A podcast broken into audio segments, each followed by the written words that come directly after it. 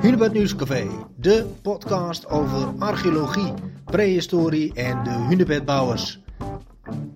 Ik spreek vandaag met Yvtinus van Popta, een maritiem archeoloog. En dan zou je denken, maritiem, wat heeft dat nou met hunebedbouwers te maken? Nou, daar gaan we het dus over hebben. Yvtinus, jij bent uh, maritiem archeoloog. Uh, in eerste instantie denk je dan van nou, een maritiem archeoloog die kan helemaal niks uh, over Hunebedden vertellen. Klopt. Maar toch zijn er raakvlakken. kun je daar eens iets over, over vertellen? Ja, dat, dat, is een goed punt. Want ik dacht dat zelf in eerste instantie ook even van ja, ja. Hunebedden en maritiem, wat heeft dat nou met elkaar te maken? Maar eigenlijk best wel veel. Sterker nog, die maritieme archeologie leidt helemaal terug tot Drenthe als je, als je wil. Maar uh, uh, als je echt kijkt naar de feitelijkheden, dan zou je kunnen zeggen dat de hele Zuiderzee wordt omgeven door wat wij eigenlijk terugzien in Drenthe. Namelijk al die dijken om het Zuiderzeegebied die bestaan uit zwerfkeien. Ja. En die zijn echt in enorme hoeveelheden in die nou ja, 17e, 18e eeuw, 19e eeuw ook nog naar het Zuiderzeegebied gebracht. Ja, niet, door, de, niet door een of andere ijstijd. Nee, niet, nee. niet zoals ze in Drenthe lekker voor het nee. oprapen lagen. Nee, maar echt door de mens zelf met kleine bootjes verscheept uh, over de eerste kleine watertjes en dan uiteindelijk naar, uh, naar de zee. Ja. Om maar die dijken te verstevigen.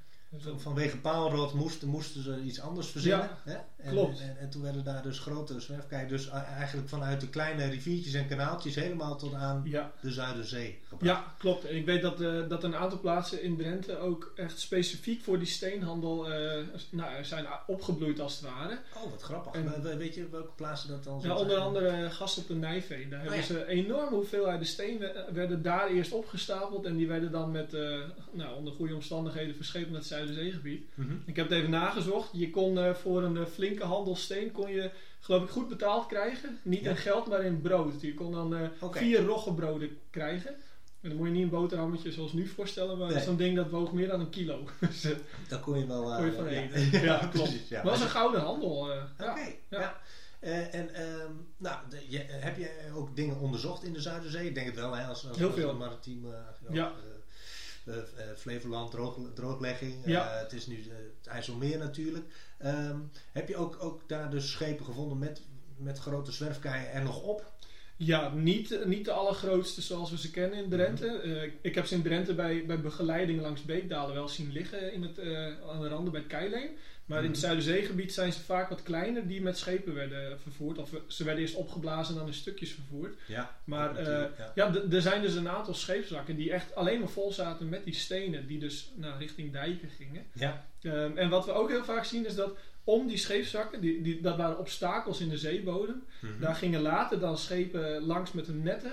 En die netten bleven dan haken achter die wrakdelen. En die netten Ja. werden verzwaard met stenen. Dat zijn dus ook zwerfstenen. Ah. Met een eh, ijzeren ringetje eromheen met een oog eraan. En daar zaten, die zaten aan het net vast. ja. Dat net dat rolt dan weg. En als je dan een Mhm. wrak opgraaft, dan zie je om de voor- en achtersteven zie je altijd een soort van waaier van zwerfkeien. ja. En dan vaak met die ijzeren banden eromheen. Dus dat zijn de restanten van vissersnetten.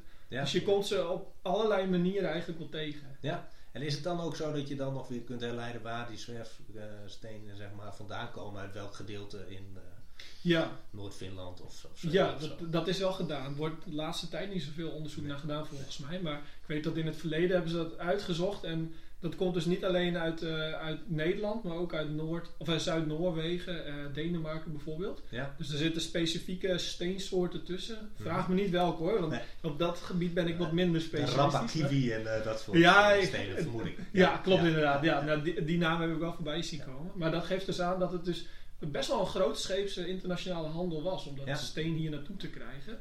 Ehm, Mhm. Ja, dat vind je dus nu nog steeds terug als je langs de, de dijken gaat lopen. En eh, eh, nou ja, misschien een beetje een prikkelende vraag, maar eh, zullen er dan ook hunebedden gewoon ontmanteld zijn om daar de dijken mee op te hogen? Ja, sterker nog, dat is wel bekend. Er is op een gegeven moment in 1734 een wet opgesteld tegen het eh, wegnemen van stenen uit Drenthe.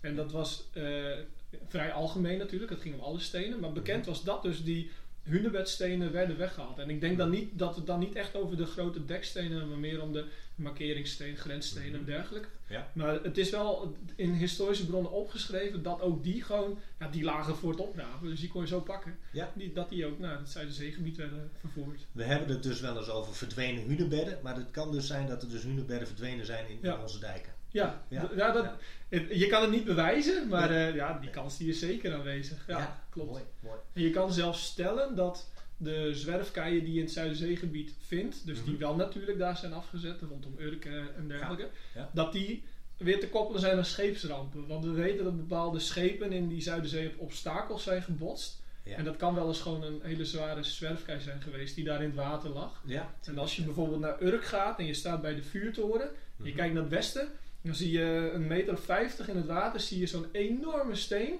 En die, valt, die is altijd net een klein beetje boven het water uitstekend. Het, het heet de Ommele steen.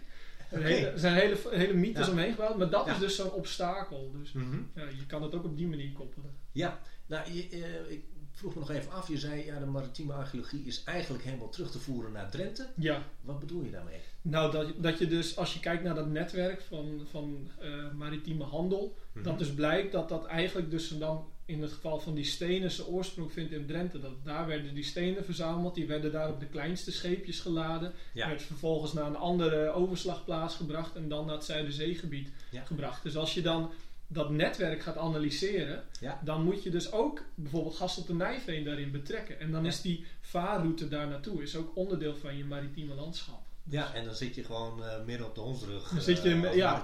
Klopt inderdaad, Ja. waar de zee eh, nooit, nooit in de buurt zal komen. Ja. en, ja, en dan hoort het er toch bij. Ja. Waar geen stukje bodemzout water kent. Nee, precies. Nee. Dat is ook weer het probleem van maritiem. Het is soms wel te breed. Maar, Ja. ja. maar dat maakt het ook wel weer leuk, toch? Ja, hartstikke leuk. En ja, heel bijzonder dat je dus toch best wel veel kunt vertellen. En dan met name over ja, verdwenen hunebedden in dijken. Dankjewel. Ja, precies. super.